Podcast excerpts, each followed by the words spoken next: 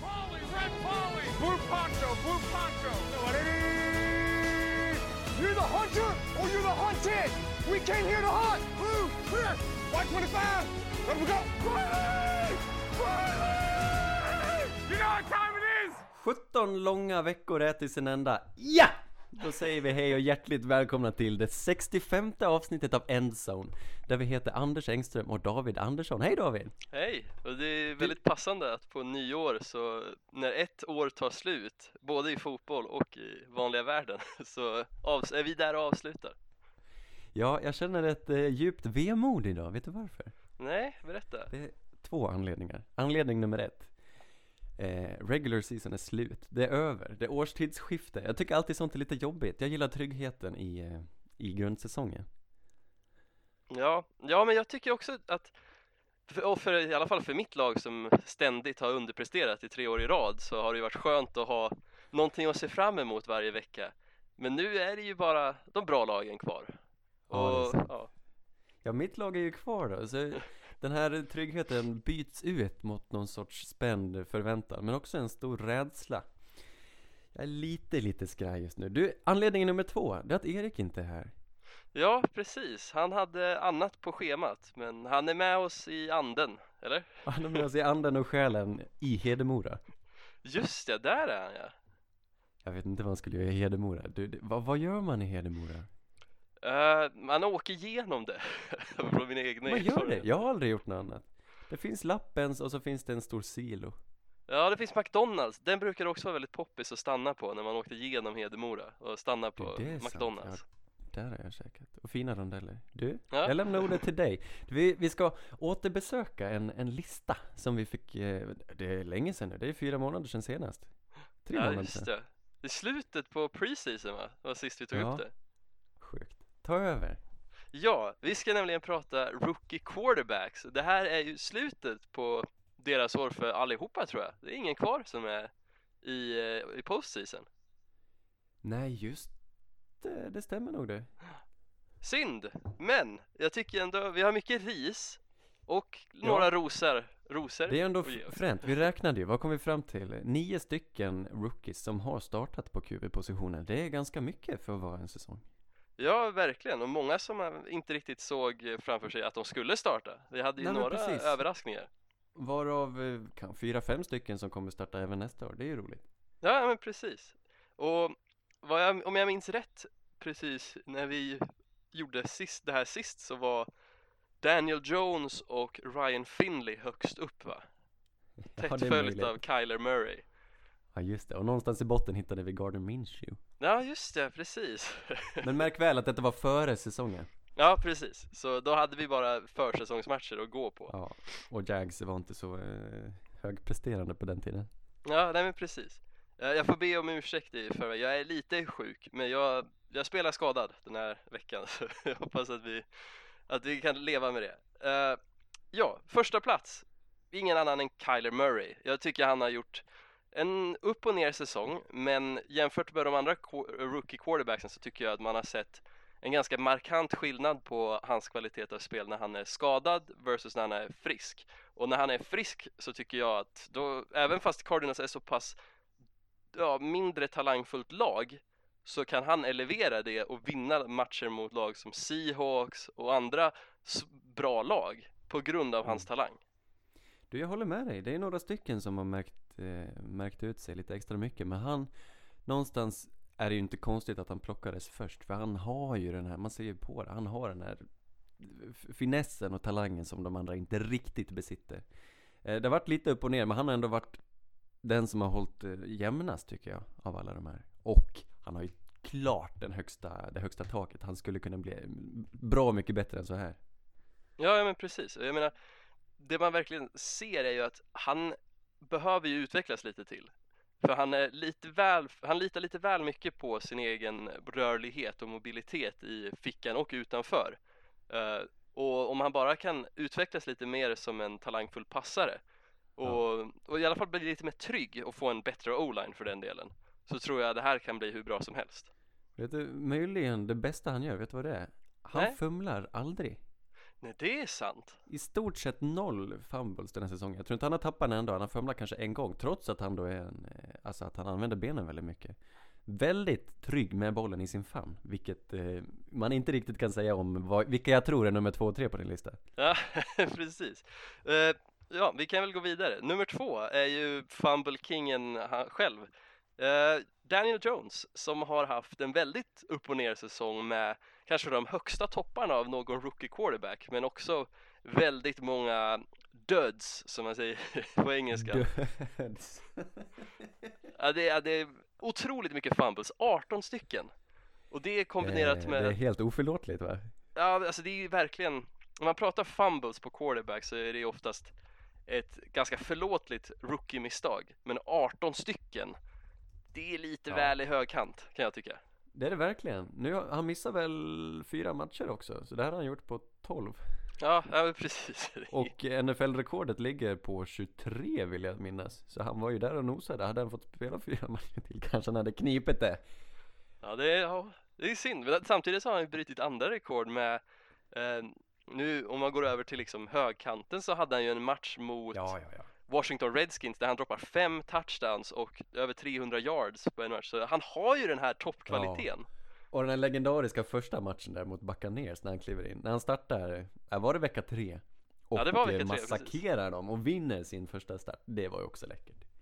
Ja, som sagt, han började och avslutade året väldigt bra om man bortser från den här Eagles-matchen i vecka 17.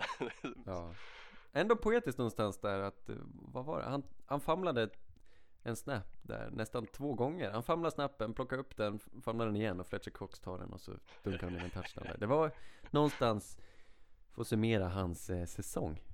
Men han är, verkligen. han är omöjlig att veta riktigt vart han kommer landa, men han är kul. Jag tror han, han är svår att inte tycka om. Nej men precis, jag menar, om man ska dra en, en jämförning med han Jag tycker ju att han är ganska lik Peyton i hans första år för de har snarlik mängd eh, turnovers då Peyton var ju väldigt duktig på att kasta interceptions medan Daniel Jones han kom med en lite mer blandad påse av interceptions och fumbles så måste Ja. jag, ja, jag tycker inte att jag ser lite James, eh, James Winston igen, tycker du inte? Det här lite YOLO-boll-aktiga spelstilen Ja, nej, det, det är sant. De, de två är faktiskt ganska lätta att jämföra. Ja, båda var ju väldigt nära nu. Ehm, 20, 30 turnovers totalt för ehm, Daniel Jones medan. James, Win- James Winston nådde den här ärovärda 30-30 5000 yard säsongen. Jaha, du, vi kommer tillbaka till James Winston, det vill jag lova.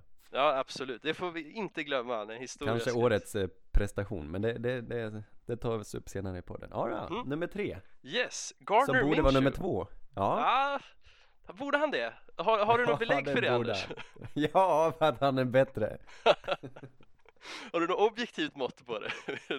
Nej, men du och jag har ju kommit överens om det här. Vi, vi, vi samlas i att eh, quarterback, eh, alltså att det är väldigt subjektivt hur man bedömer spelare. Och den här eviga diskussionen om vilken quarterback som är bättre än den andra, det, den blir eh, ganska snabbt tröttsam här. Och jag gillar ju Gardner Minshew bättre, och du gillar Daniel Jones bättre. Det kanske inte finns ett objektivt sätt att eh, jämföra dessa två nej, nej men precis. Det, Det, känns blir ju lätt så att man har en favorit och så letar man den statistiken som talar för sin gubbe. Därför, så, så blir det bara rundgång på alltihop. Ja men precis, och det är alltid så att det känns också som att det är väldigt många som har, vi värderar saker olika och sen Ja, det. utgår vi från vad vi värderar när vi Ja. bedömer vilken quarterback som är bäst Ja. men vi beaktar aldrig vad andra personer använder som kriterier för att bedöma det här Han har lite power också i sin personlighet, jag tycker han vinner på. Ja, mediejippot Gardner Minshew var ju väldigt underhållande måste man säga nu i efterhand Ja. Eh, Jag tycker ändå Gardner Minshew är intressant måste jag säga och han har växt på mig. Det ska, ända sedan han har fått börja starta nu efter att Foles fick kliva av igen. Eh, jag tycker man ser med Gardner Minshew en snarlikhet till Russell Wilson av alla spelare. För det här, han är ju inte den mest talangfulla vad gäller arm och liknande, men det han verkligen glänser på är ju sin förmåga att förlänga spelet med sina ben. Inte för att plocka upp yards som en runner, men som att liksom förlänga och sen hitta den öppna receivern. Mm. Mm. Det är han Ja, han är väldigt en duktig på. skramlare. Ja men precis, väldigt lik Han- Russell Wilson. Vad, vad, vad, vad skramlar? Vem är det som skramlar? Frälsningsarmén, han går ut med en bössa. Nu i juletider är det ju extra passande. Det är lite Frälsningsarmén över honom. Ja, men, är han inte lite av en eh, frälsare för Jacksonville? Med en akustisk gitarr där. Ja, ja, ja, absolut. Och kepsen. Ja, precis. Det blir ju bara spännande att se nu vad som händer när de förhoppningsvis sparkar Doug Marone och Nathaniel Ja. Hackett och Han är ju, han är ju en vinnare också. Han vinner, alltså han kan, eh, man vill ha honom i slutet av matcher. Han vände och vann mot Rainers och han lyckades till och med bräcka Colts nu sista omgången. Och jag, jag gillar honom. Mm. Ja, jag gillar han också. Men det är också så här, det var ju den här matchen mot Colts som verkligen satte det på papper, satte det i bläck att, ja jag förstår ju varför jag ogillar han och det är ju att han har den här spelstilen som Russell Wilson har med att, alltså de vinner alltid jämnt men, och det ser ju aldrig helt jättevackert ut men det går inte att förneka att de är duktiga på grund av det de vinner ju matcher på grund av sitt spel han, han kom upp i över 10 fumbles också. 13 läser jag här, undrar om det, det, det känns ganska rimligt. Så eh, inte att förringa. Han är också väldigt dålig på att hålla i bollen. Ja, men som sagt, fumbles går att träna bort, interceptions är det man ska vara orolig för. Eller hur? Ja, vi går vidare till nummer fyra. Oj, vi går igenom den här fort. Eh, Drew Lock. Eh, han har ju inte fått starta så länge, men han har gått fyra matcher, eller fyra vinster, en förlust. Och ah, jag vet inte, vad tycker du Anders? Jag väntar med min bedömning här. Du, jag ska säga att jag har sett för lite av honom, men det talar ju ett tydligt språk att vinna. Han har vunnit fyra matcher sa du? Ja, precis. Av de fem senaste. Det, det, det, jag kan inte se något annat än att eh, ni måste ju älska honom. Eller älska det han, Älskar det han står för, det han ger. Jag vet inte om han kommer vara en fantastisk quarterback, men bara att vinna under en sån här säsong på slutet av säsongen och visa att eh, jag är er åtminstone ett år till. Det tycker jag, det tycker jag borde ge ett visst hopp, um, en hel del glädje. Absolut, eh, men samtidigt Jag ser ju det här och han är ju älskvärd i media och liknande Men jag har ett vemod kring han för jag tycker inte att han har imponerat eh, liksom otroligt mycket i sina matcher. Det är väl den här matchen mot Texans som är höjdpunkten då i anfall då Som var en högst schemalagd match av eh, Rich Scangarello, vår offensive coordinator. Sen dess, jag menar, Drock har inte superstats. Han är okej. Nej. han, är, han värnar om bollen, han gör inte turnovers ofta. Och det är väl okej. Men jag menar, jag vill, hade gärna velat se en, en dundermatch som i stil med antingen Kyler Murrays toppmatcher eller Daniel Jones toppmatcher eller varför inte Garner Minshew och det är därför han halkar ner här till fjärde plats Ja, men det är ändå, ändå en bra prestation. Har han, eh, hur involverad är Peyton Manning i organisationen? Kan han få träna lite med honom under väntan på nästa säsong? han har faktiskt gått ut och sagt att han pratar ganska ofta med Peyton Manning. Peyton Manning bor ju bara i Colorado, han är ju inte involverad i organisationen officiellt då, då. Men eh, i off-season så kommer han faktiskt få jobba lite med eh, Peyton Manning. Och det är väldigt spännande att se vad som, Ja, det båda gott. ja vad- vilken frukt det får. Vidare till Washington. Ja, Fan, du kan ju den här listan. Ja, men jag kan ju anta bara. Ja, Dwayne Haskins, jag, det enda jag kan säga om han är att han trendar upp. Jag tycker Redskins har haft väldigt svårt i år och eh, för så mycket ris som Dwayne Haskins fick nu i början på året och sen när han startade där, var det i mitten på säsongen Ja. Eh, och sen nu framåt slutet när han började duellera mot Daniel Jones där i vecka 16 så såg det väldigt, faktiskt väldigt bra ut. Ja, nej, eller hur? Han går verkligen från klarhet till klarhet och det är roligt. Han är en bra passare. Jag vet inte, han kanske inte skapar lika mycket med benen. Nej precis, han är, han är inte så den- rörlig, eller hur? Han, är, mm, han var ju inför åtminstone, inför draften så var han ju känd som en pocketpassare då. Mm. Men det börjar gå bättre och bättre, han har ju en vansinnig arm alltså. Ja men Han precis. a- eller hur? Han har ju de här an- explosiva spelen som han sitter inne på, som han, vilket är väldigt värdefullt att ta fram i vissa situationer då. Men man önskar ju att han kunde spela lite jämnare. Dock kul att han växer. Ja men och verkligen. eh, några vapen till, men nu har han ju redan fått några vapen. Det är häftigt vad rookies ändå kan leverera. Terry McLaurin är ju helt fantastisk, hans receiver nu. Ja men precis, de har ju fått en eh, väldigt bra skörd från sina rookies. även kul med den här Sims, deras, han som springer kick returns. Han var en väldigt snabb gubbe som har sprungit in flera touchdowns tror jag. Jag såg han göra det nu i söndags också. Ja, han är väl deras speed guy medan Terry McLaurin är den som är deras number one receiver och jobbar under där. Ja, nej det är kul, det är kul. Ja, väldigt roligt. Eh, vi går vidare, så går vi igenom de här, här undre lagret ganska snabbt då. Eh, Ryan Finley, han såg okej ut, eh, ingen riktig, det var inget som fick ens, heter det, juicer att flöda. Och han blev ju bänkad med all rätta för Andy Dalton Ja, igen. lite torr. Ja, men precis. Det är aldrig ett gott tecken för en rookie att bli bänkad och det är liksom en signal att nej, det blir inte du. Nej men precis, det var, han var lite lik sån här thin crisp, det, det är så här, det är ju bröd, men det är väldigt nära att inte vara någonting alls. Och det, Vad är det? det är någon sån här knäckebrödaktig grej som är just tunt och krispigt. Tänker du på den här, det, det vi har uh, julskinkan på? Sånt uh, krispigt tunnbröd? Nej nej nej, den det här är, den är kanske inte heter thin, den heter fin crisp, en finsk. Ja, Finley, finsk crisp, vi går vidare. Devlin Hodges som har vunnit några matcher men det är ju så här att han kallas ju Duck och han är väl den perfekta exemplet på leken Duck, Duck, Goose att man går runt till matcherna Duck, Duck, Duck men vi vet ju att Goose kommer förr eller senare när han droppar 3 plus interceptions i en riktig Nathan Peterman-aktig eh, prestation. Du måste, vad du måste hjälpa mig, vad är Duck Duck Goose? Är det en lek? Ja, det är en sån lek man leker när Du man är kan barn. så mycket! Ja men den, är, den har du säkert Är den lekt. amerikansk eller svensk? Ah, jag tror det kanske finns en svensk version. När man sitter i en ring och så går en person utanför ringen och tar på varje huvud så säger han duck, duck, duck. Men den han tar på huvudet och säger goose på, Ja. den måste resa sig upp och jaga den andra personen. Eh, ett helt varv runt då. Så om pers- om personen som sa goose hinner runt och sätta sig på den platsen där han som blev goose eh, satt så måste den- personen som blev goose gå runt och säga duck, duck, duck, duck. Du, det känns lite småbekant. Jag kan inte minnas att jag lekte, men jag har säkert gjort det någon gång. Vilken kosmopolit du är, du har sån koll.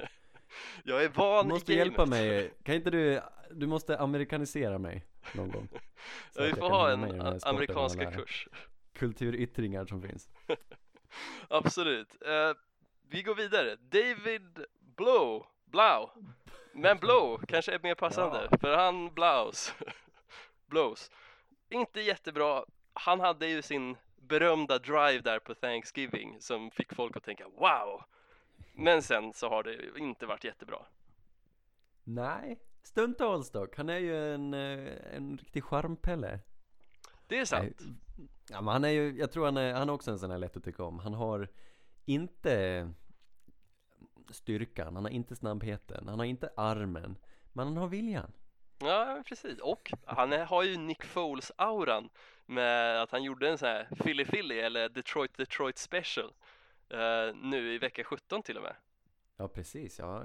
Han gjorde faktiskt en riktigt bra första halva av matchen mot Packers. Det, det ska han ha. Jag hade nog placerat honom på nummer sex här, men eh, jag köper det.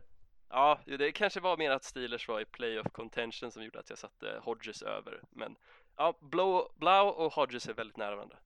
Var kommer han ifrån? Vet du vart han har gått college? Bra fråga. Jag tar reda på det medan du går till nästa. Ja. Eh, vi tar upp skämskudden för i år. Will Greer, våran Mm. quarterback som, eller i alla fall min quarterback som vi hyllade väldigt mycket från West Virginia som gick till Panthers i tredje rundan, gjorde sina två första starts nu vecka 16 och vecka 17 och det såg bedrövligt ut. Han fick aldrig riktigt igång någonting, det var ingenting riktigt som jag såg som man blev exalterad över. Nej, man såg det i hans ögon redan vecka 16. Alltså han, han ser rädd ut. Han vill inte vara där. Han trivs inte i sin roll. Jag var, jag var riktigt ledsen för hans skull. Alltså jag tror inte han... Han såg inte ut att ens må bra alltså. Det var riktigt illa. Jag tror inte han platsar på den här scenen. Jag tror inte han kommer få en karriär i NFL alltså. Det var tråkigt men... Eh, snyggt, mycket vackert, elegant skägg har han. Men Ja. det var liksom allt. Ja men precis, jag, menar, jag trodde ju att i en familj av chads och Instagram-influencers så trodde jag att han skulle ha fått hela liksom sin släkts vettiga eh, resurs, eller vettighetsresurs och så. Men ja, han kanske inte är så vettig ändå. Eller så är han kanske bara, som du säger, det är för stor scen för han just nu. Ja, nej han verkar inte vara den spelaren vi hoppades att han skulle vara. Och det blir väl årets eh, skämskudde för Endzone. Vi älskade honom. Men får väl erkänna att eh, det funkade inte alls. Nej, men som sagt, man måste ta chanser ibland. Ja. West Virginia, University of West Virginia, det var Will Greer. David Blau, han gick på Purdue. Aha, Drew Brees gamla alma mater om jag inte minns fel. Ja just det, ja det stämmer det. Det, det är ändå ett fint ord, alma mater. Det är sällan man får användning för det. Purdue, Purdue Boilermakers. Oj. Det är lite Göteborgs-feeling va? De gör, Boilermakers, eh, kaminerna. boilers. Men boilers för bilar då eller? Jag vet inte, Purdue, vart ligger det? Nu ska vi se här. Det ligger i Detroit tror jag. Ja det kanske är, det måste ju vara för bilar. Purdue University eh, Indiana, West Lafayette. Ja men det är väl Ja. lite industri, industriställe. Någon, någonting sånt där. Vad fint. Du.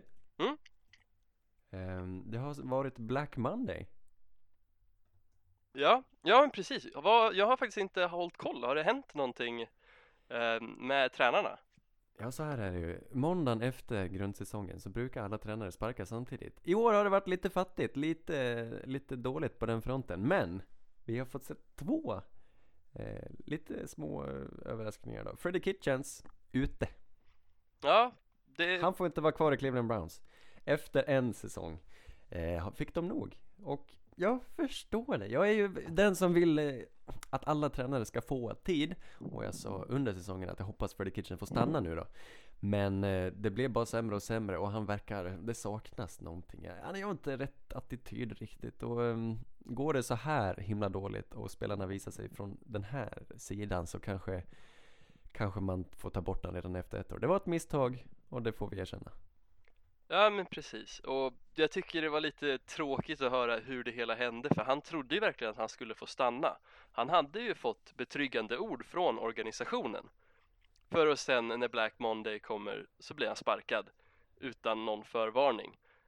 Och det är ju, ja, jag tycker det belyser lite den här dysfunktionella organisationen som Browns ändå är. För jag tycker, även om han inte har gjort ett bra jobb så har han sannoliken inte fått ett lätt jobb som huvudtränare när de tar in så otroligt många starka personligheter. Det, det känns nästan som en omöjligt jobb om man inte är en Pete Carroll-figur eller något liknande. Ja, precis. Nej, de insåg väl att de behöver en annan form av personlighet på tränaren. Men han är ju, han har ju, jag vet inte, det känns som också som att han tänkte för mycket. Han var ju deras offensiva koordinator under förra året när Baker började, när de vände på säsongen och vände på, ja, vände på hela klubben på ett sätt. Klubben har aldrig spelat på det här viset. Eh, och så låg han bakom det och sen drog han igång något nytt schema till det här året och det funkar liksom inte alls. Utan han, han, jag tror han tänker för mycket. Han verkar ju ha någon form av offensivt tänk. Men det gick inte alls. Eh, nej, han passar inte på den här positionen. Nej, precis. Extra tråkigt, eh, Steve Wilkes så här är Steve Wilkes var ju defensiv koordinator här. Han var ju huvudtränare i Cardinals förra året. Även han fick bara stanna ett år. Då Ah, okej. kommer till Browns, defensiv koordinator och Freddie Kitchen får stanna ett år. Kan det vara, kan det vara förbannelsen som vilar över Steve Wilkes eller?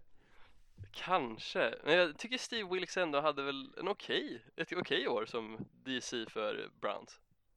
Ja, ja, det är sant. Jag vet inte. Jag tror att ska man hämta, Kitchens hämtade ju sina tränare från sin tid i- i Arizona, de han kände och han kanske inte kände tillräckligt många. Det var inte gräddan Nej, i, men precis. i, i hans tränarstab. Jag tycker det finns ett värde i att ta in eh, erfarna tränare för de har väldigt många kontakter och de vet vilka personer de vill ha i sin stab. Och Freddie Kitchens kände väl inte så många. Nej, mycket möjligt. Och jag tror också att anledningen till att Steve Wilkes fick lämna måste ju också vara för att när det kommer in en ny tränare så vill ju han oftast ha ett tomt hus som han sen kan fylla med sina egna grabbar. Och då vill Ja, man ju precis. helst inte ha en Steve Wilkes som sitter där på farstubron Nej, det, det jag syftade på var väl att Steve Wilkes var head coach i Arizona förra året och även Mm, han, att han bara fick sitta ett år då. Eh, Just det, just och nu, är, nu får han försvinna härifrån också. Pat Shermer sparkad Oj. från New York Giants. Det Välförtjänt. talades om det. Eh, den eh, är det välförtjänt. Ja, jag tycker det med tanke på hur i, alltså, Giants har spelat de senaste åren och med just den hypen som Shermer hade efter Ja. Minnesota-miraklet och liknande och sen kommer han dit till Giants och lägger sig platt typ. De har ju aldrig Ja varit men en... precis. Två år fick han. Och de har ju inte, jag tycker problemet här är väl att de inte kan vinna matcher. Då får man ändå skylla på tränaren. Han har ju ändå skapat ett hyggligt anfall. Han har byggt, eh, han har ju skap, skrivit, ritat upp det kring Daniel Jones och de har ju spelat hygglig anfallsfotboll. Men de kan inte vinna matcher. Spelarna känns oförberedda och det, det är nog rätt att få in lite förändringar. Ja, frågan är ju dock om David eh, Gettelman får lämna för jag tycker mycket av precis. deras misslyckande har ju hans fingeravtryck på, det, på sig. Exakt. Det får vi väl, det återstår väl att se. Ofta låter man ju en eh, general manager vara kvar under eh, free agency och draft och liksom få göra klart det. För det är svårt att komma in i en organisation nu och börja spåna på sånt. Så det Det får är vi väl se efter draften någon gång om Gettelman här får stanna. Frågan är om Men man inte skjuter ute. sig Ja men precis, men frågan är, skjuter man inte sig i foten mer då? Just med tanke på att, jag menar, de betalade sjukt mycket pengar till Nate Solder som har varit en katastrof på left tackle Ja. och de har draftat lite hejvilt sådär som inte ah, riktigt kanske har betalt sig och deras försvar är ju helt i, i, ja, i kollaps jag, jag vet inte riktigt Ja, nej jag, jag, jag förstår vad du menar. Men det är väl också så att vara helt ny i en organisation, komma in första januari eh, och lyckas eh, känna av organisationen, värva spelare, övertala spelare att komma dit och sen drafta. Jag tror att även om man inte vill ha kvar Gettelman så är det ofta en GM sitter kvar mm, ett halvår. Jag, jag kan inte svara på det där, jag, jag vet inte vad som är bäst. Men det kan ju lätt bli lite halvdant eh, om man försöker byta allt på en gång. Precis, jag vill nog bara belysa att jag tror att Gettelman kan aktivt förstöra organisationen mer än en person som är helt ny som talar och det talar ju väldigt mycket för vad jag tycker om Gettelman. Eller hur? Nej, jag är inte heller superförtjust.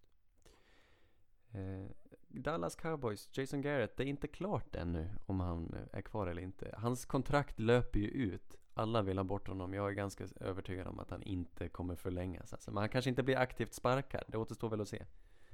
Ja, men precis. Han får väl lämna där i Free Agency på ett sätt som Ja, ser, ja precis. ser vi, bra ut. Vi utgår från att Jason Garrett inte är kvar i Cowboys. Mm. Efter en väldigt lång period. Han har varit där i, är det sju år? Och Oj. det har gått värdelöst dåligt. Han har, mm, nej det är bisarrt. Han påminner ju lite om han tränaren i Bengals, vad hette han? Åh, han som var in, där innan, eh, Zack nu. Lewis. Just ja, Marvin Lewis. Som ja, också har varit lite så här underpresterande som tränare.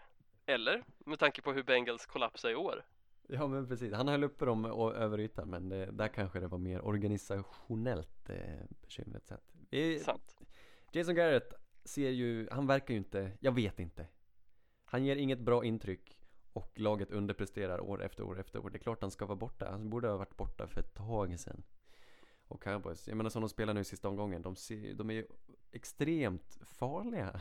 Det är bara att de inte kan, de, de, de, de kommer inte få spela varje match. De kommer få spela varannan match och det går inte. Ja, och det är ju frustrerande när man ser den här Jag tror eh, de är dåligt coachade. Ja men precis, den här bristen på disciplin. Om man ser att talangen finns där, det är ju bara en, ännu värre än vad jag kände under Vance Joseph-tiden i Broncos när man såg den här bristen på di- disciplin. Men att se det, det här är på ett contenderlag måste vara dubbelt så jobbigt för det här är, händer ju inte varje år att man har ett lag som kan vara med och tävla. Och sen se en coach sjabbla bort det. Otroligt frustrerande och jag lider med Cowboys fans. Jag vet inte vem i laget som eh, tar ledarskapet. Eh, jag tror han, Demarcus Lawrence verkar lite oskön sådär. Han skyller också på tränarna. Vilket är lite märkligt. Eh, Seke känns inte som någon superledare heller. Jag, det skulle vara de här linebackersen här kanske. Ja, ja Jalen Smith är väl lite av en Jalen Smith hyvens och människa. Sean eh, Lee. Ja, De är väl precis. rätt sköna ändå. Och väl. Ja, Dak är ju skön Eh, också, det måste man säga. En till vi hoppas försvinna är ju Doug Marone borta i Jacksonville Jaguars. Där har vi inte Just hört det. någonting så vi får vänta och se. Eh, de som det är sagt kommer vara kvar då, som vi undrade om de skulle försvinna. Dan Quinn i Falcons får stanna. Detsamma gäller Matt Patricia i Lions och även Adam Gase då i New York Jets. Eh, vad tycker du om det? Är det någon du hade velat se försvinna, försvinna av de tre? Ah, Just det, Adam Gase är väl någonting som jag hade varit fine med hur den blev. Eh, Matt Patricia, jag är också en av de som har druckit lite för mycket av hans Kool-Aid och tänker, ja, han har ju ändå någonting trots att det har gått så dåligt där. Så han tycker jag, Trocadero? ja, men han, han är ju den som har, han har ju kryddat Trocaderon och fått mig att, ja, jag kan, jag kan inte sluta få, få nog av Patricia i den här ligan. Och sen, åh, vad var den första nu? Det var Dan Quinn. Ja, Dan Quinn ja. Det var lite överraskande, tycker jag. Ja, Med tanke på um, de senaste årens resultat efter deras Super Bowl. Men eh, han är ju en ledare på ett sätt. Han har ju ledarpersonligheten och han kan ju få mannarna att, han kan ju samla mannarna och få, få ihop dem och tagga igång dem. Det kanske gäller att han eh, bara ser över sig själv och sina förmågor och eh, delegerar lite mer. Jag tror han har tagit på sig lite för mycket. Vissa head coaches, de ska ju faktiskt mest styra laget och inte spelet. ja men precis. För jag Jag undrar tycker om han är en sån. Ja, men jag, jag håller med och det jag tycker man ser, eller det som jag faktiskt tror är det som räddar hans jobb är att man faktiskt kan peka på eh, specifika saker och beslut som Dan Quinn har gjort under säsongen som har räddat säsongen till viss del. Och bland annat med att flytta över den här offensiva tränaren tillbaks till försvaret och vilket då styrde upp hela deras secondary. Eh, och sen också att de har vunnit så pass många matcher nu på slutet. Så alltså jag, jag är väl med om det. Jag tycker Dan Quinn förtjänar att komma tillbaka ett år till. När man ändå har sett eh, hans kvalitet som tränare. Ja, kul. Jag hade nog tyckt att han skulle försvinna ändå. Med tanke på en lång period av mediokritet med så mycket talang, då ska tränaren bort. Ja, jag. Men det är ju, det är ju varje, varje situation är ju så. Jag känner inte honom. det kanske hade varit ännu sämre utan honom. Eh, Jay Gruden försvann ju tidigt från Washington. Washington flörtar intensivt med Ron Rivera just nu. Det har inte kommit ut några beslut än, men det ryktas och tal, mycket talar för att Ron Rivera kommer coacha Washington nästa år. Vi får se. Ja, spännande. Sannerligen gutturalt, David. Vi har inte poddat på, eh, på ett par veckor nu tyvärr. Under jul, jul, julens bestyr tvingade oss att eh, avstå en vecka. Så vi har två veckors matcher att ta tag i. Ja, vi, jag lovar er lyssnare att vi kommer inte gå igenom varje match här. Men vi har några stycken att titta på. Ja, Eh, precis. Jag vill börja där Rams möter 49ers. Det här var alltså förra veckan. Eh, vi ska följa NFC West här och några matcher. Vad, vad, har du något att ta med dig här? 49ers slog ju Rams med 34-31. Det vart en väldigt hård kamp, men 49ers gick vinnande ur den. Ja, det var en väldigt kul match att se nu i efterhand för den var väldigt intensiv och man såg väldigt bra spel från anfallen och så strösslar de in lite höjdpunkter från försvaren, bland annat Aaron Donald och lite turnovers. Jalen Ramsey fick sin första interception. Uh, vi såg också lite turnovers åt andra sidan. Goff blev, uh, var det en fumble och en interception där också som ledde till scoring plays. Och i slutändan så med bara några sekunder kvar Jimmy Garoppolo på en 3 och 17 sänker en långboll till Emmanuel Sanders som leder till Mm. det matchvinnande field goalet. Otroligt kul match. Ja, de vinner många matcher på det här sättet, 49ers. Det måste ju stärka dem ordentligt. Det är ofta de vinner just på ett field goal i, i slutsekunden. De kan verkligen punktera en match. Det är bra.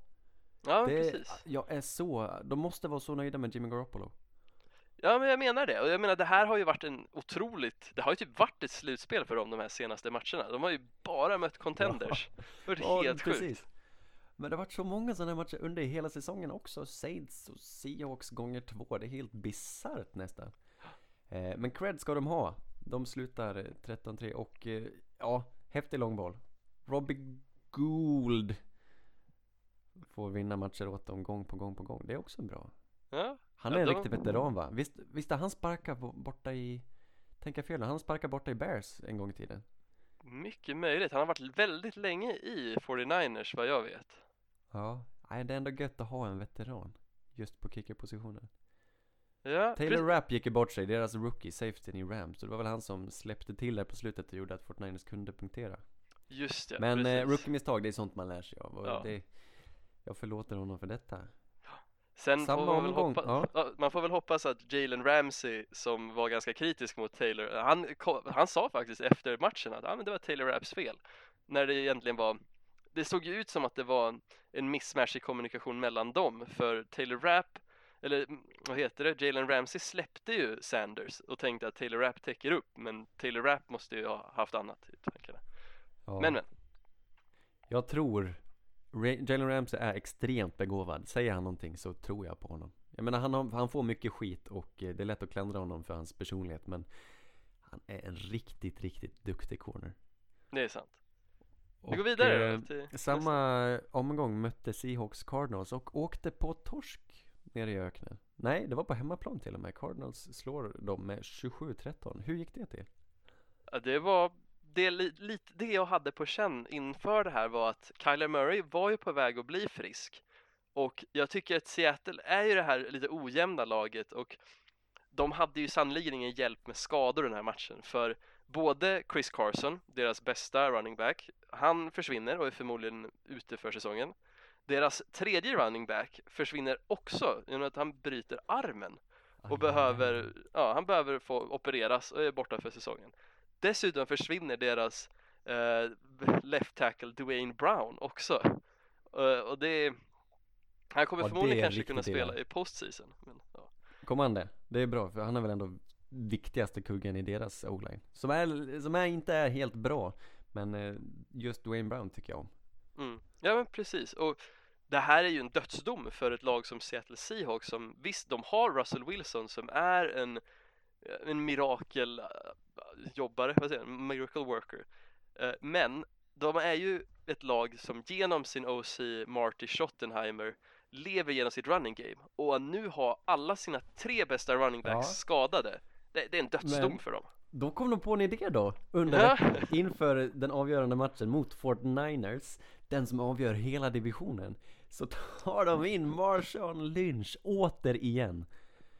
Just Är det. det inte fantastiskt? Beast mode. Gå tillbaka i spel, gå tillbaka till Seahawks där eh, han är ju en riktig, riktig legend. Och det var ju som Helt. upplagt för Det är att som upplagt, sagorna skrivs, de skriver sig själva här. Så eh, Seahawks eh, möter Fort Niners på hemmaplan. Det blir en batalj till slut. Fort Niners ser ut att vara det bättre laget och leder länge och betryggande. Men Seahawks gör det snyggt, kommer tillbaka, Russell Wilson gör det Russell Wilson gör. Och de får till och med en chans att punktera matchen på enjardslinjen.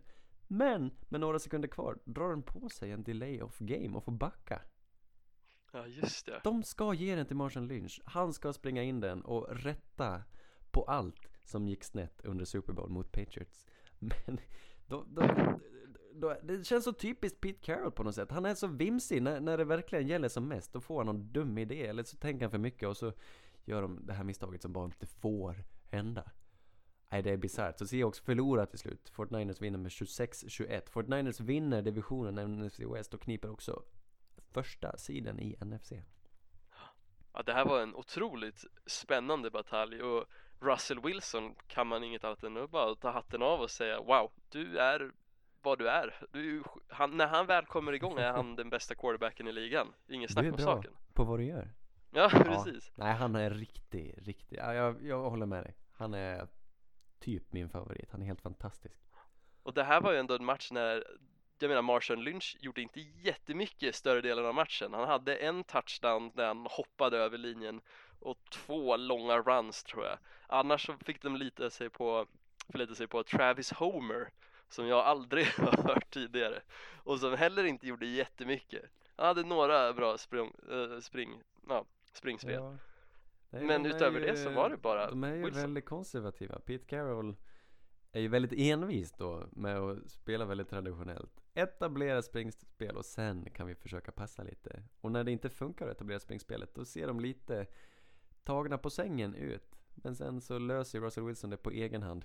Mm. Jag hade unnat honom en lite lite fräschare playcalling kanske.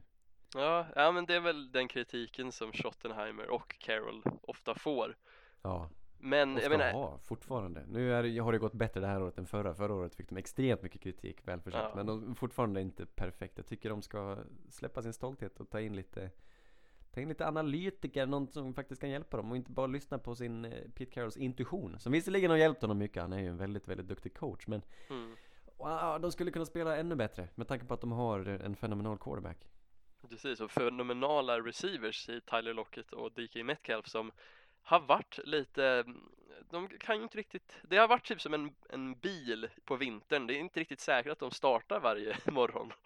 Och det tycker jag man har sett att det tar lite tid, måste få den här eh, tändningen att tända för att det ska bli någonting där på anfallet. Vi fick ju en underbar dag av lördagsmatcher också Och Just det. framför allt matchen mellan Buffalo Bills och New England Patriots. En av årets matcher, en helt fantastiskt böljande fram och tillbaka. Anfallsfotboll helt plötsligt. Patriots väcks till liv på något sätt. Tom Brady väcks till liv och eh, han bestämde sig. Nu, det här ska vi vinna och de gör sin bästa Kanske sin bästa match för året. Anfallet alltså i Patriots. Eh, Men Bills bjuder upp till dans och Josh Allen kastar hej vilt och Stefan Gilmore blir tvungen att släppa till sin första touchdown på en långboll till John Brown och det är så en himla rolig match Men Patriots vinner till slut med 24-17 Såg du den här?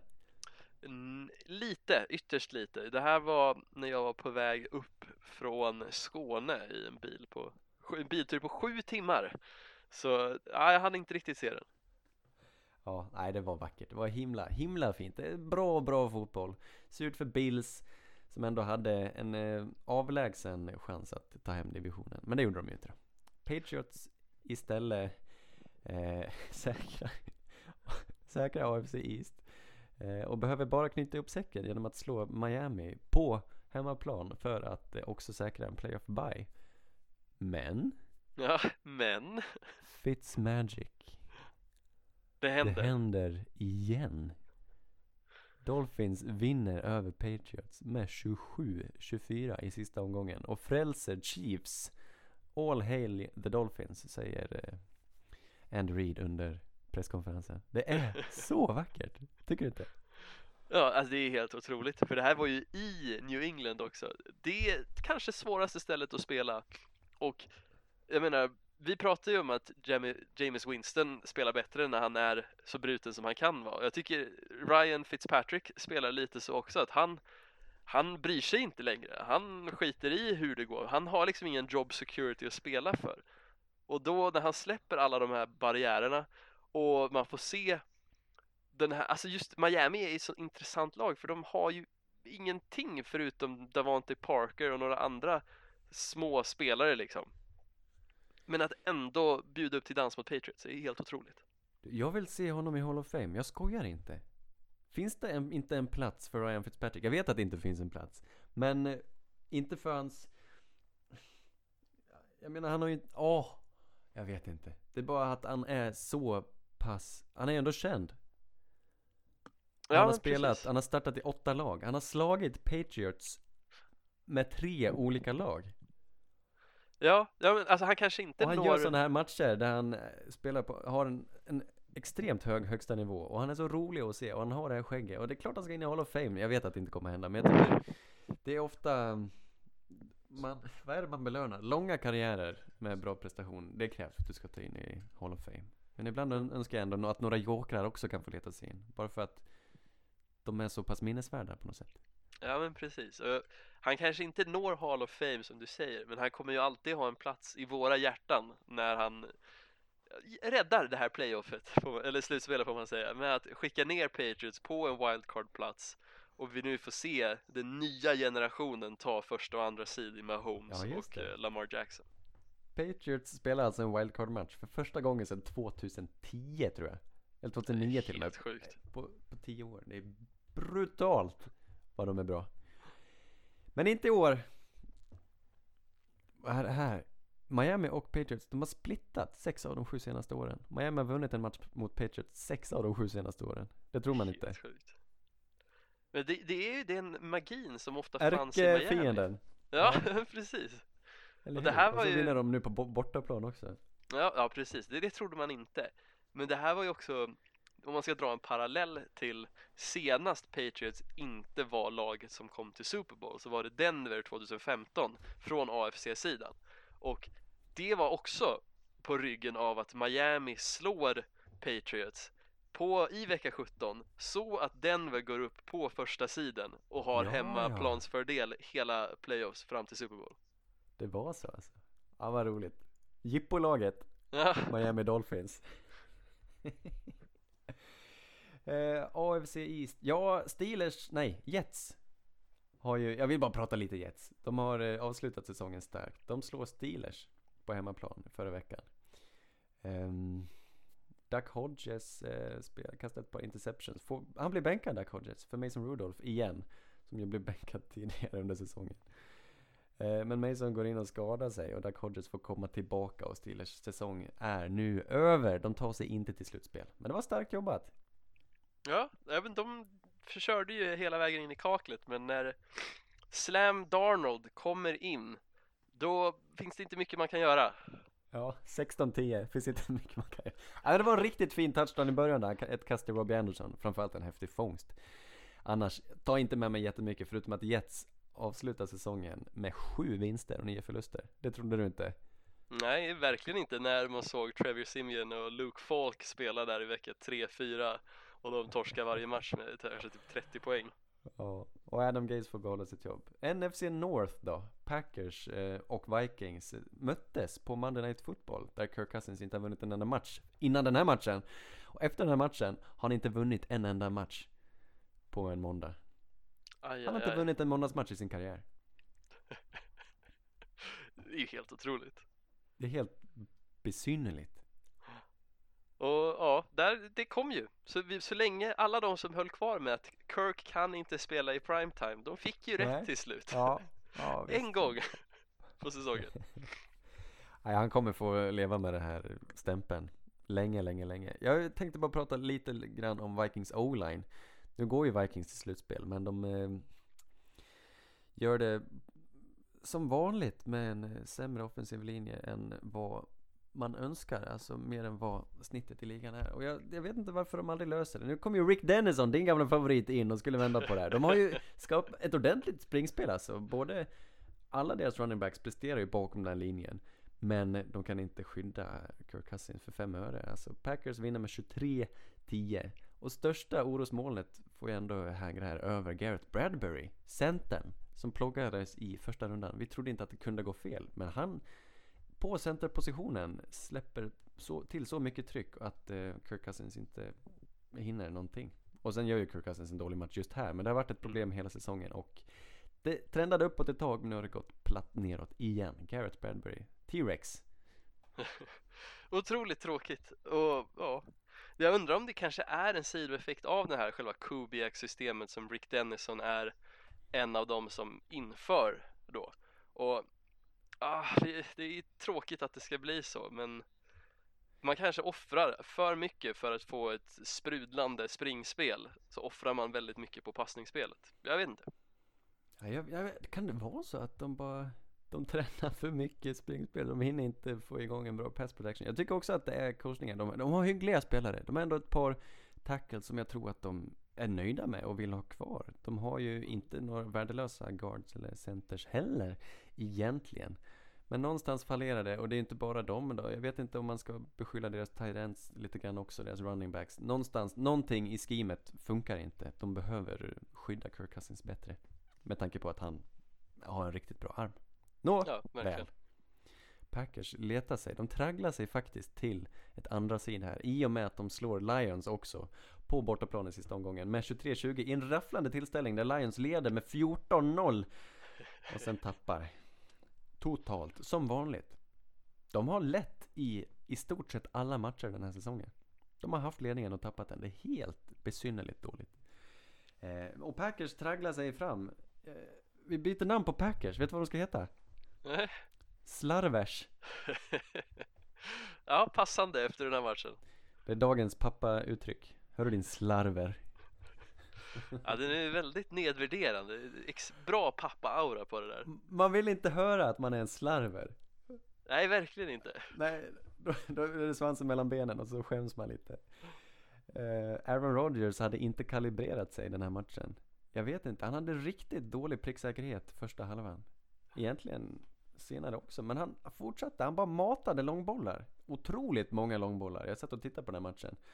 Eh, och till slut så satt de när de behövdes då. En till Assard, en till Adams. Och de tar sig förbi till slut.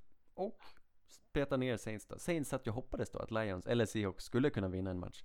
Men Saints får spela wildcard. Ja, och om man tittar liksom, i kontexten med hur de matcherna gick vecka 17 och se uh, Saints spränga dörren av ett Panthers-lag som inte ens verkade vara där och spela och vinner 43-8 eller vad det var 43-9 Ja, precis. och sen få se Lions typ hålla Packers till en förlust under tre fjärdedelar av matchen. Det är helt otroligt. Nej, det var nära. ja. Lions, eh, de slutar ju säsongen på tre eh, ynka vinster och i och med det så kniper de också tredje plocket i draften. Det ska de vara nöjda med. Det kanske var det de spelade för där på slutet. Vad vet jag? Förlåt, jag är lite bitter. Men så är det, man håller ju på sina lag. Det går inte att vara helt opartisk i alla lägen. Sannoliken diametralt! David? ja, Ja, vi ska prata Broncos äntligen. Vi fick ju faktiskt eh, avsluta säsongen på uppstuds med glimten i ögat. Och lite kul, ni möter Raiders, Oakland Raiders sista match som Oakland Raiders. Från och med nästa år är de Las Vegas Raiders. Eh, men Broncos i en eh, lite väl, lite onödigt rafflande tillställning tar hem vinsten här. Berätta. Ja, det här var ju verkligen en tävling om vilket lag som kunde förlora matchen. För jag tycker Raiders såg bättre ut i det stora hela, men de gjorde ju de här misstagen när det väl gällde som gjorde att de gjorde aldrig några poäng mot Broncos. De var i endzone kanske två, tre gånger utan att riktigt kra- raff- liksom krafsa in en touchdown när de borde göra det. Det var en fourth line stopp och det var en eh, som borde kanske ha blivit en touchdown som blev en field goal till slut.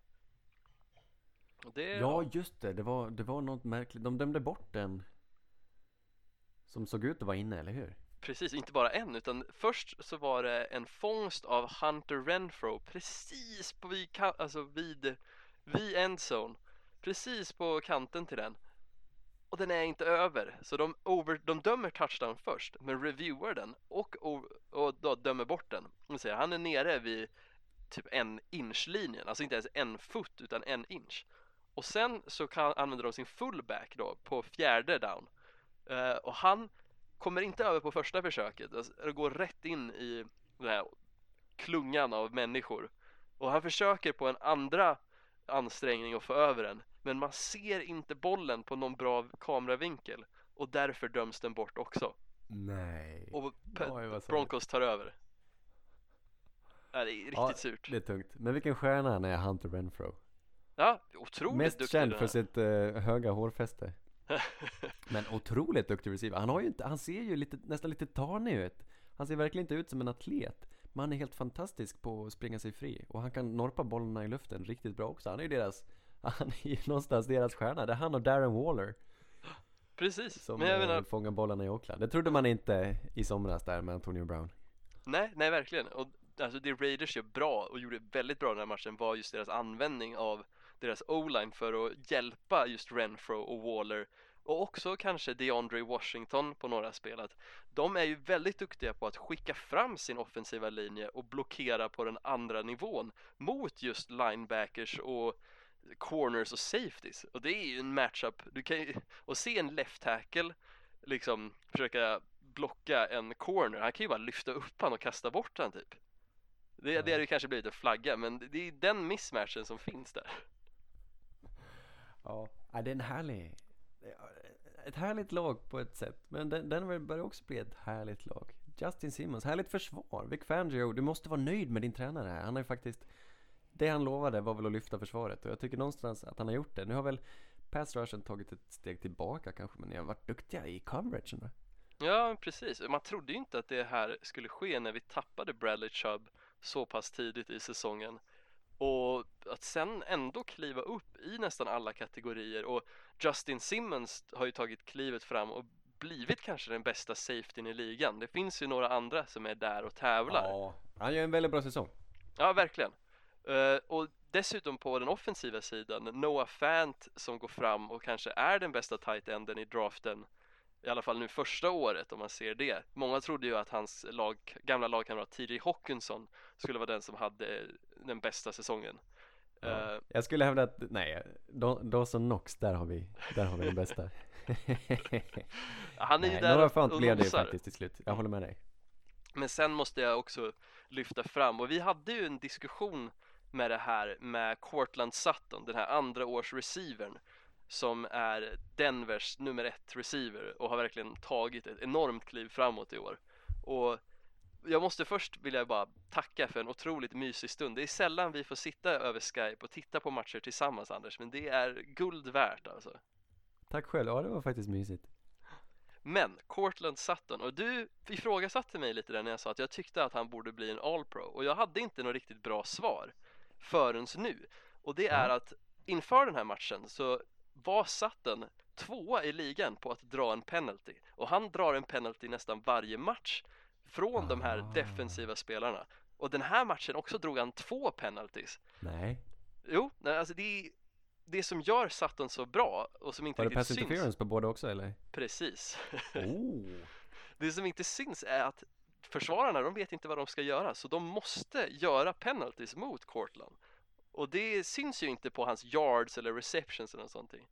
Men om man tittar lite extra så är det här en stat som jag tycker talar väldigt mycket för vilken All sorts right. receiver han är. Nej men du, eh, jag tycker vi ska ge honom en är- ärlig chans. Och säger du det så håller jag med dig alltså. Cortland Sutton, det får plats tre receivers på All Pro-laget ofta. Jag vet inte vilka det är, det är någon byråer som utser det där. Det är ju ingen officiell lista men jag tror NFL erkänner den ändå som Den är någorlunda valid och man går mycket på den då. NFLs Precis. officiella utmärkelse är ju Pro Bowl, vilket också är ett, lite av ett skämt. ja men Men All Pro tre är ju... receivers. Cortland Sutton, Michael Thomas. Vem placerar vi som tredje då? Kan det, kan det inte få vara Chris Godwin? Ja, där har vi dem. Jag tycker det är en solklar trio. Underbart. Ja, ja, ja, ja, ja. ja. Mycket, Om inte annat mycket- så en second team All Pro kan jag nöja mig med också. Du, det, det kanske han får. Mm. Vet du vad? Men eh, matchens hjälte var ju absolut inte Cortland Sutton. Matchens hjälte var den här funktionären. Ja, Det sprang in en streaker på plan och en funktionär blev, blev, han blev bortsprungen av den här och drog till sitt knä och så fick de avbryta spelet i flera minuter för att han skulle bäras ut på bår. Ja, Det de var fick till och med märkligt. köra utan på vagnen där. Så fick Ja, vinka just till fansen. Han fick vinka lite, ja det var gulligt. Ja, man vet aldrig, men han eh, kommer ju vinna på det här så han får säkert massa intervjuer och grejer. Bara för att han skadade sig när han sprang efter en. Ja, ja det var roligt. Vi fick Ja, inte se streaken dock. Var det naket till och med tror du? Eh, jag tror inte det var naket vad jag såg. Jag har sett lite klipp från andra vinklar. Har man Nå- slutat streaka naken nu för tiden? Men är inte streaka alla som sprang in på plan, ja det kanske är att vara naken. Men alla, nu springer folk in på plan utan att ta av sig kläderna. Vilket jag tycker är dåligt. Det är rakt av dåligt. Ska du göra ska du göra ordentligt. Ja men verkligen. Det, det känns väl också så här, det kanske är svårt att komma in på plan om man är naken. Det, det är väl den första screenen en, en vakt gör, bara, "Ah, här kommer en snubbe som är naken. Det Ja. kanske ska hålla ett också extra att öga på. man har gjort en grej i alla tv-sporter att inte visa de som springer in på plan. Förr, Mm. förr så insåg man ju inte det utan man, man filmade ju noggrant och uppmuntrade andra till att göra samma sak. Sen insåg man att vänta, om vi inte visar det så kommer folk kanske inte göra det. Ja. Nej, men det är Ja, något bakvänt när amerikansk, om man ska bli lite politisk i den här grejen att amerikansk media har inga problem med att visa ansiktet på mördare men folk som springer in på en plan, det, det kan vi inte ha. eller hur? Man vill ju unna sig lite pung sådär en eh, söndagkväll. Man får aldrig glömma den matchen Inte ens då det får man se. Buffalo Bills fans kastade in en dildo på plan som var, den var de väldigt snabba med att ta ur bild. eh, vart hamnar vi nu? Chargers, Chiefs. Chiefs vinner över Chargers som de ska och blir hjälpta av Miami Dolphins. Men Chiefs kniper andra sidan och får en playoff bye. Välförtjänt. Verkligen, och det här var ju en match där de spelade jämnt fram tills att det kändes som att typ Andy Reid tittade på sin smartphone på Patriots-matchen och bara fan Dolphins kan vinna det här. Och sen så ringer han upp till Mahomes i sitt headset och säger ja, vi, vi kör nu. Och det var som att de hade tryckt på en knapp och Chiefs bara drog om. Först en, vad var det, en kick return av, av Nicole Hardman som returnerades för en touchdown. Och sen gick deras offense igång och ledde ganska bekvämt hela vägen in i slutet på matchen. Ja. Ja, det är flott. De kommer igång. Även försvaret har lyft sig. Frank Clark fick ett par sacks åtminstone. Och deras safety partner, Tyron Matthew Honeybadger har verkligen hjälpt och lyft laget. Och även rookien Juan, Juan, Juan Thornhill på free safety där. Gött safety par, kul att se. De har en god chans i slutspelet nu. Vi får inte glömma bort Chiefs, som har varit lite bortglömda i år med Mahomes skador och att han inte har och kanske Lamar Jacksons framträde på scenen så har vi inte pratat lika om Chiefs som vi brukar men det här är ju en lågoddsare att gå till Super Bowl ändå. Verkligen, och de här är ju på kollisionskurs med varandra, Chiefs och eh, Ravens. Det är vad som jag ser det. Ja, jag ser det likadant. NFC East avgjordes till slut och eh, Cowboys torskade. Eagles tar sig vidare till slutspelet trots en eh, halv miljon skador på sitt lag. Ja, det är helt sjukt. Och vi kan inte sluta hylla Boston Scott. Ska vi börja lite kort då?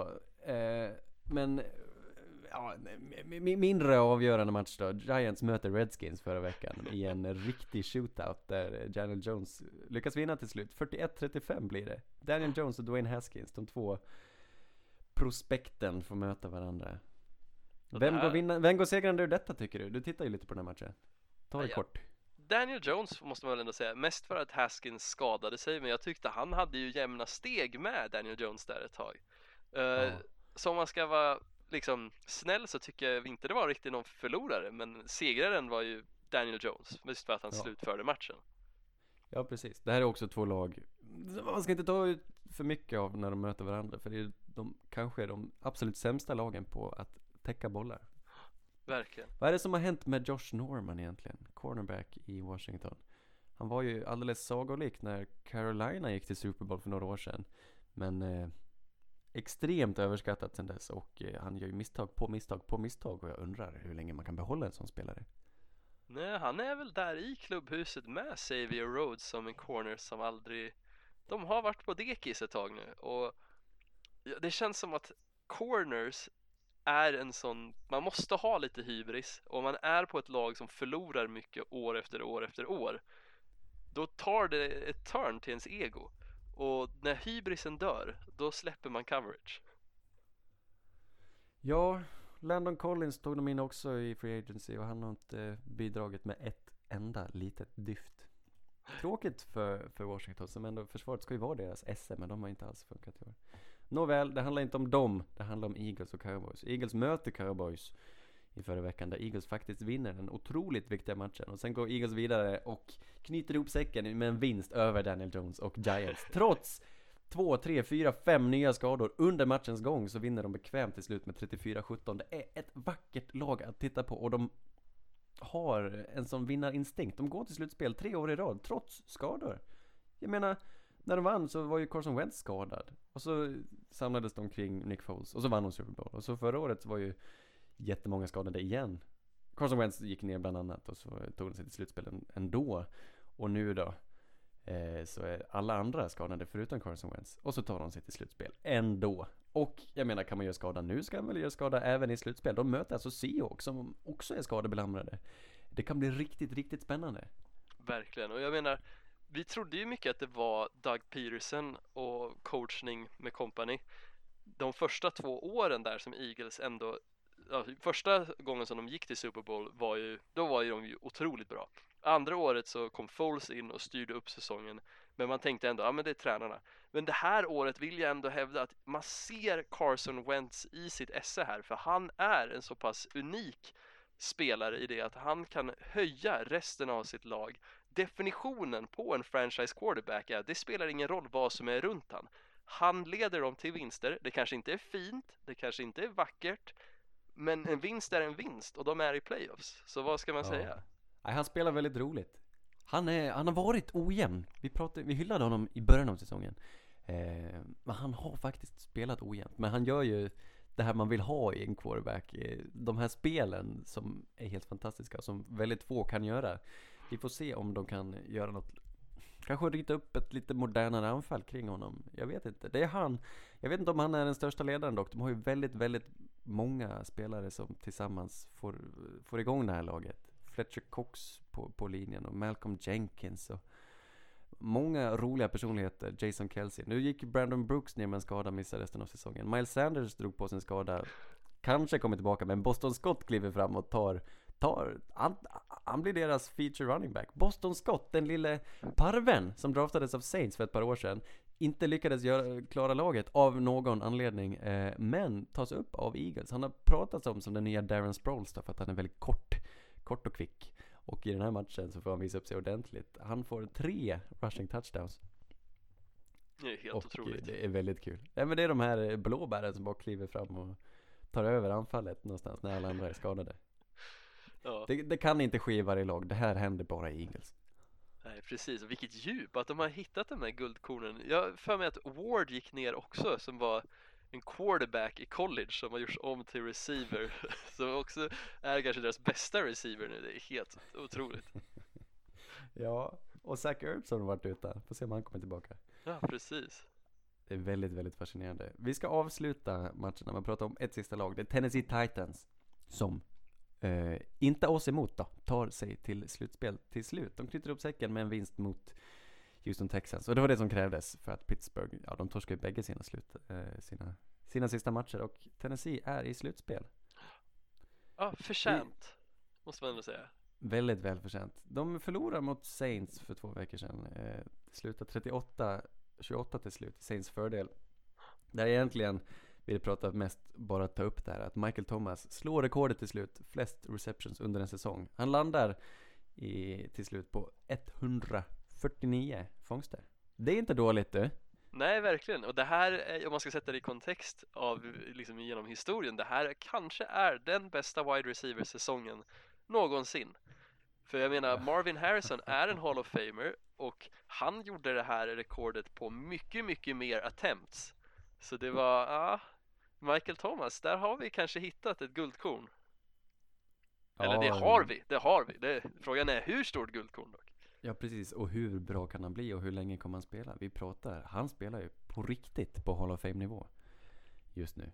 Verkligen. Och han, han fångar alla bollar och han spelar konsekvent bra match efter match efter match. Han skadar sig aldrig. Han är hård, svår att möta och extremt explosiv. Han är ju också, han är ju verkligen en fotbollsspelare. Han har ju inte de här, han har ju inte den här ultrasnabbheten riktigt. Han har bara viljan och han är riktigt, riktigt kvick. Och det är ju någonstans viktigare för en receiver att vara kvick i rörelserna och i, i svängarna för att faktiskt lyckas finta bort spelare. Och det är det som krävs mer än eh, snabbhet. Man ska vara smidig. Så Precis. grattis Michael Thomas. Tack för att du finns. Tack för den du är. Tack för din gröna keps. Titans eh, vinner till slut också mot Houston Texans som de behövde mot Texans backups visserligen. Men Ryan Tannehill gör en galen säsong och nu är de i slutspel. Och han är väl kanske låst som comeback player of the year. Att komma från att i princip bli en backup i Tennessee, tradas från Miami. Han har inte gjort någonting av värde i Miami de senaste två åren åtminstone. Han hade en playoff run 2016 där han skadade sig inför playoffs. Uh, och sen kommer han tillbaks nu och han ser otroligt bra ut. Det är lite Fitzpatrick-aktigt att han kommer in och när han väl liksom blir trygg i anfallet så tycker jag vi ser en otroligt hög nivå. Han är ju en topp 5 quarterback i den här ligan just nu. Ja, nej han spelar helt fantastiskt. Jag vet inte vad jag ska säga. Jag tänker, jag tänker så här. Jag tar en djupdykning i Ryan Tannehill till nästa vecka. Eh, jag vill verkligen ha lite mer kött på benen innan jag diskuterar hur det är möjligt. För jag har inte tittat tillräckligt mycket på honom. Men eh, jag vill diskutera Ryan Tannehill. Och vi, vi sparar honom, vi sparar honom en vecka. Vi sparar honom. Dock vill jag ändå poängtera på Saints at Titans matchen, även om Breeze hade en otroligt bra match, just det Tannehill gjorde, det här är ju lite tiki-tack, man kan inte riktigt styra vad man har runt sig, men att Tannehill går in och levererar den matchen och då inte ha sin bästa running back i Derrick Henry medan Kamara gör en jättebra match så tycker jag att Tannehill kanske nästan var den bästa quarterbacken på planen för det var han, det var bara han som styrde det där laget och att sen komma så pass nära på att vinna mot Saints att de faktiskt nästan hade kunnat vinna om inte Chauncey Gardner Johnson gör en supertackling som leder till en fumble. Så ja, spännande. Ja, just supertacklingar. Ja, super på flera olika betydelser. Ja, precis. Ja, det där var en eh, tveksam, eh, tveksam situation. Men eh, det gick, det, ja, ja, matchen kunde det, helt enkelt ha slutat hur som helst. Men eh, Ryan, ja men eh, det är som du säger, att spela jämt med Drew Brees, det säger ju en hel del med tanke på Ryan Tannehills eh, karriär fram tills nu. Det är lite av en överraskning. Ja, spännande att se vad som händer och vad vi får reda på nästa vecka med Tannehill. Underbart! Sannerligen sakralt. Jag vill prata om några prestationer. Jag vill summera säsongen lite grann och bara titta över statistiken. Vem som sprang längst, vem som sprang snabbast, vem som kastade högst och vem som kröp underst. Du, Ja, vi måste ju bara ta upp det här. James Winston till slut. Han var ju på väg att slå det här oslagbara rekordet. Vi trodde inte det var möjligt. Men James Winston trodde annorlunda. Han, alltså, han är den första i historien som lyckas med en 30-30 säsong. Han kastar 30 touchdowns och kastar också 30 interceptions. Och han gör det på bästa möjliga sätt alltså. Han ligger där på 29. Falcons tar matchen till overtime. Där James får börja med bollen. och gör en pick six till Dion Jones. Det är hans 30 interceptions. Och det blir också en pick six. Vilket gör att James Winston också slår rekordet för flest pick six under en säsong. Sju stycken! han poängterar ju det snyggt med att plocka båda rekorden där med det sista spelet för ja, Buccaneers säsong. Och ja, det är väl det som man säger att de slutar väl också 8-8 den här matchen? Eller för säsongen? Eller är det 7-9? Eh, Jag vet inte riktigt var de, var de hamnar till slut. Oavsett Men vad det är ju, ja. så är det ju verkligen, det stämmer ju verkligen in på det här att James Winston kan kasta en in i matcher men också kasta en ut från matcher. Ja. Eh, ja, det är rätt galet. 7-9 slutar de. Och eh, det han gör också är ju att han kommer upp i 5000 yards för säsongen. Eh, vilket väldigt få har gjort genom historien. Det här är en... Ja, man skriver in sig på något sätt i historieböckerna. Om karriären tar slut efter detta så kan han åtminstone ha en liten tröst i att han lyckades med det omöjliga på något vis. Ja, inte bara bra, men inte heller bara dåligt, eller hur? Nej, och sällskap med, vad är det, Tom Brady, Peyton Manning, Drew Brees och Matt Stafford i 5000 yards-klubben. Det är inget Ja, dåligt sällskap. Patrick Mahomes, Ben Just ja, Roethlisberger. Mahomes och Ro- ben, oj, det är många nu på senaste tiden som har nått 5000. Ja, det går väldigt fort. De passar ju mer och mer och mer, men eh, det är ändå rätt häftigt. Eh, en annan som också lyckades till slut då. De matar ju Christian McCaffrey i matchen där, sista matchen, Carolina Panthers, för att han skulle komma upp i 1000 rushing och 1000 receiving yards, vilket han också gjorde. Han är den tredje genom tiderna att lyckas med detta. 1000 1000 Christian McCaffrey. Snyggt och välförtjänt. Ja, på tal om 1000 då. Det är ovanligt många 1000 yards eh, rushers i år. Det är ändå någon sorts milstolpe att, eh, att springa för 1000 yards under säsong. 16 ty- stycken.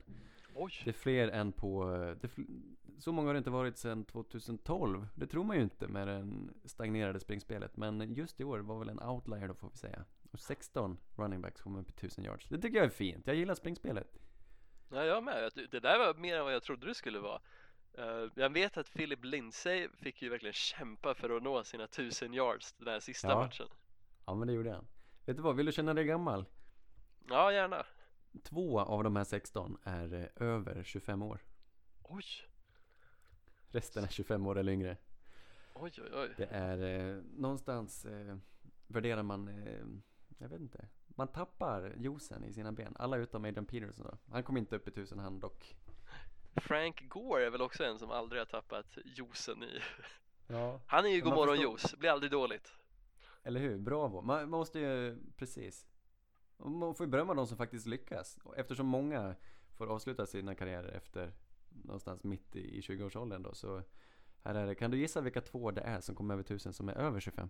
Över 25, okej. Mark Ingram. Jajamän! Han klarar det till slut. 1018 yards. Oh, fan, det är nära, på håret. Ja, verkligen. Se här, vi är över 25. den är Running back. Ja, den här, Carlos det.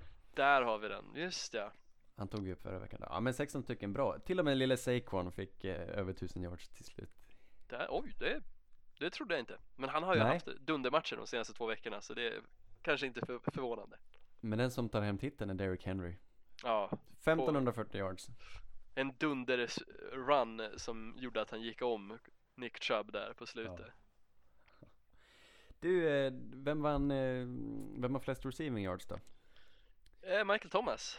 Jajamensan. Just, det är lite anmärkningsvärt det här. 1725. Näst på tur är Julio Jones med 1394. Han har alltså mer än 300 yards mer än tvåan på listan. Det är ganska anmärkningsvärt. Några andra uppstickare på den här listan. Travis Kelce kommer fyra. Oj! 1229. Det, han, han har varit tyst om du, men han har, han presterar som alltid. Devontae Parker då. 1202 kommer på Oj. femte plats. Och det här måste ju ha skett mycket i liksom senare halvan av säsongen för han har ju bara tickat till nu mot slutet när Fitzpatrick har blivit bra. Ja, det är vackert. Och DJ Moore! Just Där det! snackar vi om en eh, person det har varit tyst om det här året. Men han eh, kliver fram som deras etta. 1175 yards. Lite tyst säsong men som jag hade ju han i fantasy så jag har ändå haft lite Ja, pejl just på det, att du- han ja. har varit duktig. Häftigt. Med tanke på vilka som har kastat till honom då. Vem tror du fick flest receiving touchdowns?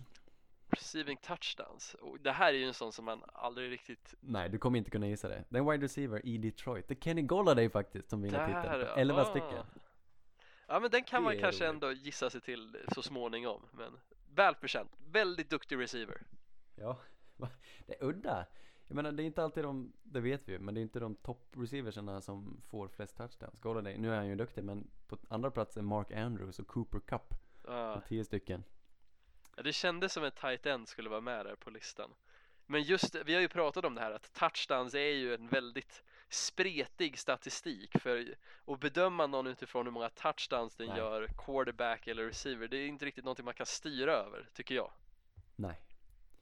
Kicking då? Vi har varit lite, vi har varit dåliga på att lyfta fram våra sparkar i år. Men eh, man vill ju komma upp i en bra procent. Det är två stycken som har kommit upp över 95% i satta field goals. Det är Justin Tucker och den som tar hem titeln i år är Josh Lambo i Jacksonville. Där, 97% ah, Av okej. field goalsen satta. Ja, Jag hade gissat på Sam Ficken för jag har för mig att han också hade en bra säsong. Ja, han är inte topp 10 ens. Oj, där ser man. Men han Ja men Josh en eh, Lambo. ordentlig näsa. Ja, det har han. Eh, Men Josh Lambo, apropå det, han är ju den som har räddat många matcher för dem och varit den här säkerheten när Garner sätter dem i field goal-läge i sista sekunden på matchen.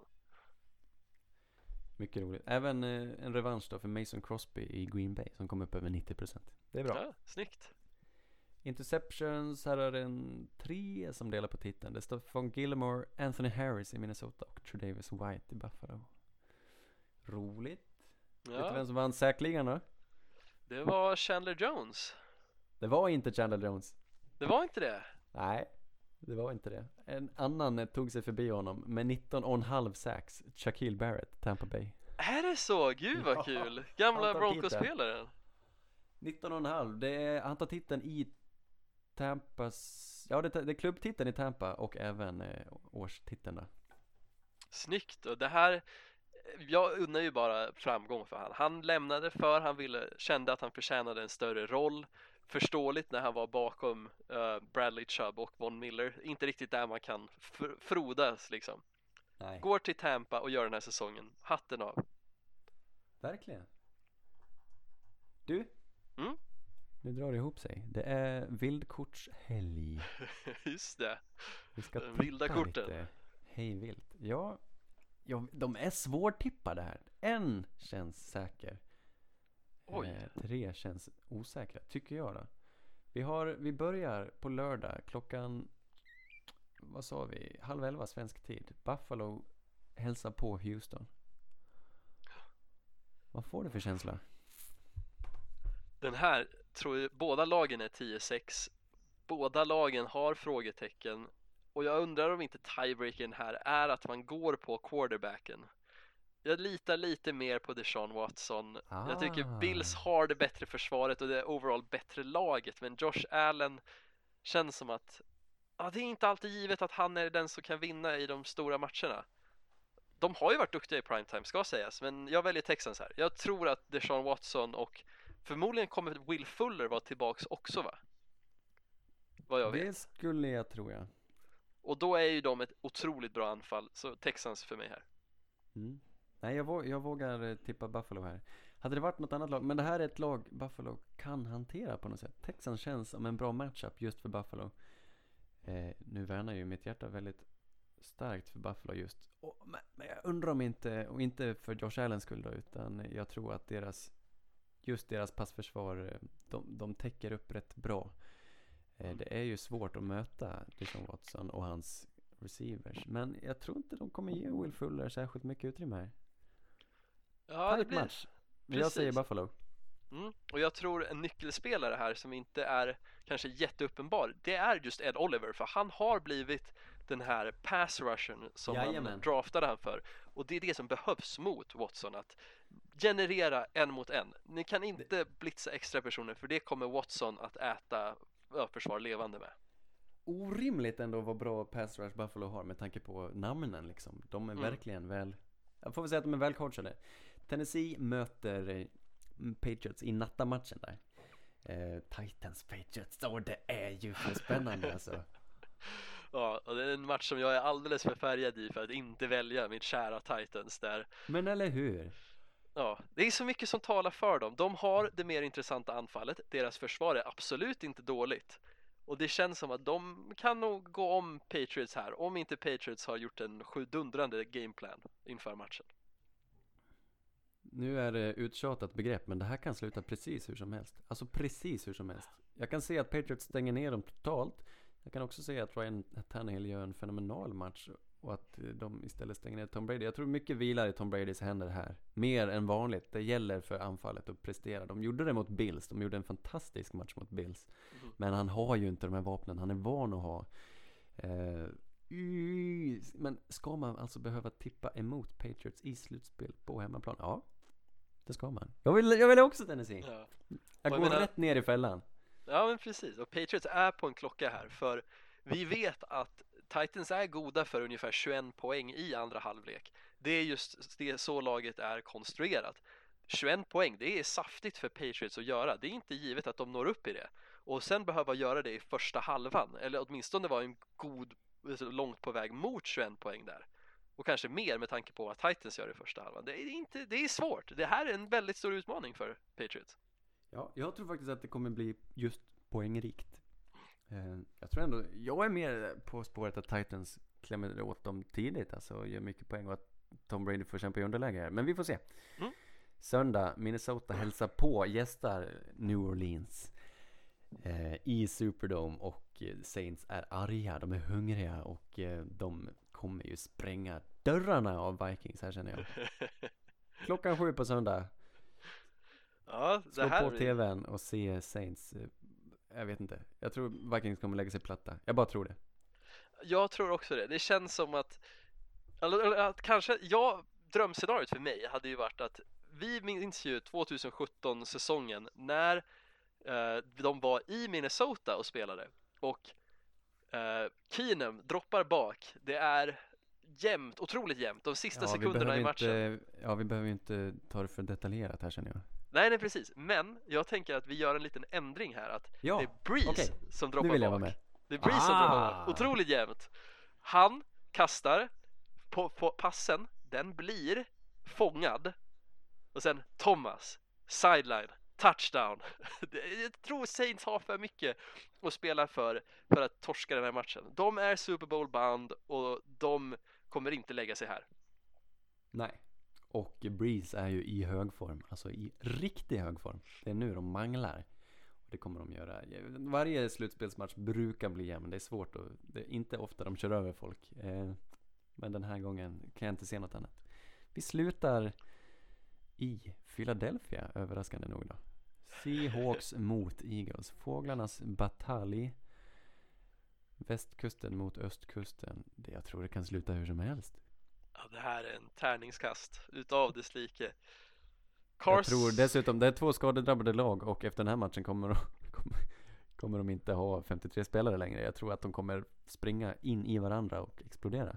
Verkligen, och det är inte bara två skadedrabbade lag, det är också två trollkarlar till quarterbacks. Det är både Tobbe Trollkarl och eh, Eh, Kan inte jag någon mer trollkarl i Sverige? Eh, Joe Labero, Filiokus Fredrik. Filiokus Fredrik, där har vi det. De här Vänta, två, Mr Udd. Mr Udd. Det här är någon utanför min kunskap. Ja, det här är, de har jag sett när jag var liten här. Jag har, det, det väcks minnen. Mr Udd. Det kanske inte är någon rikskändis. Nej. Det ska jag inte säga. Kanske inte. Men det spelar ingen roll för i sin region är de stora och jag tror det är svårt att spela i Pennsylvania och just i eh, Philadelphia. The City of Brotherly Love. Jag tror Eagles tar den här. Du gör det alltså.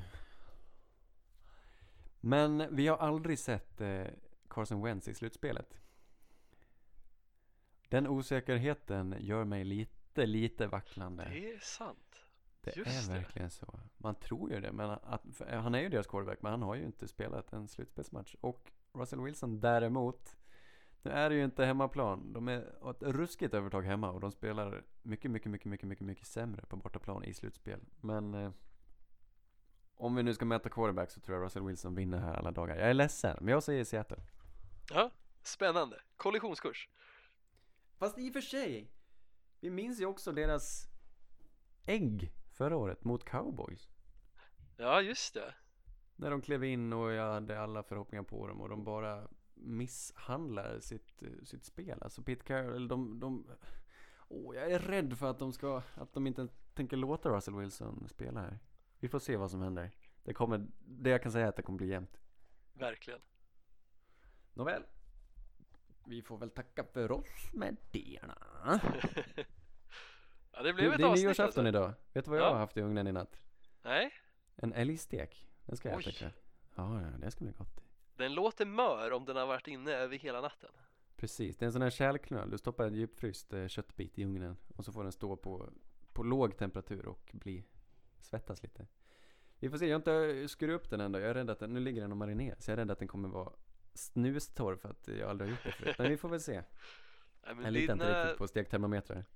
Jag bugar åt dina kulinariska kunskaper Anders, jag hoppas att det blir en otroligt bra middag. det kommer det inte bli. Du då? Du skulle äta okra hörde jag. Nej, nej, jag ska inte äta okra. Så Blev det ingen okra?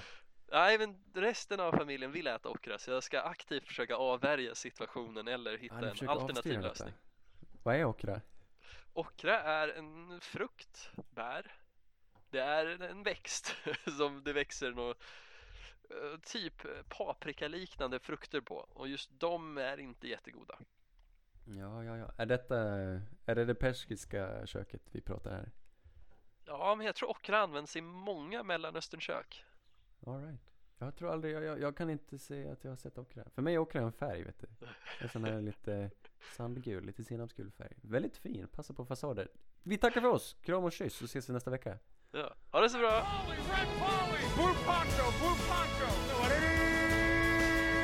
You're the hunter or you're the hunted. We came here to hunt. Blue, clear. White 25. Let we go. Riley! Riley! You know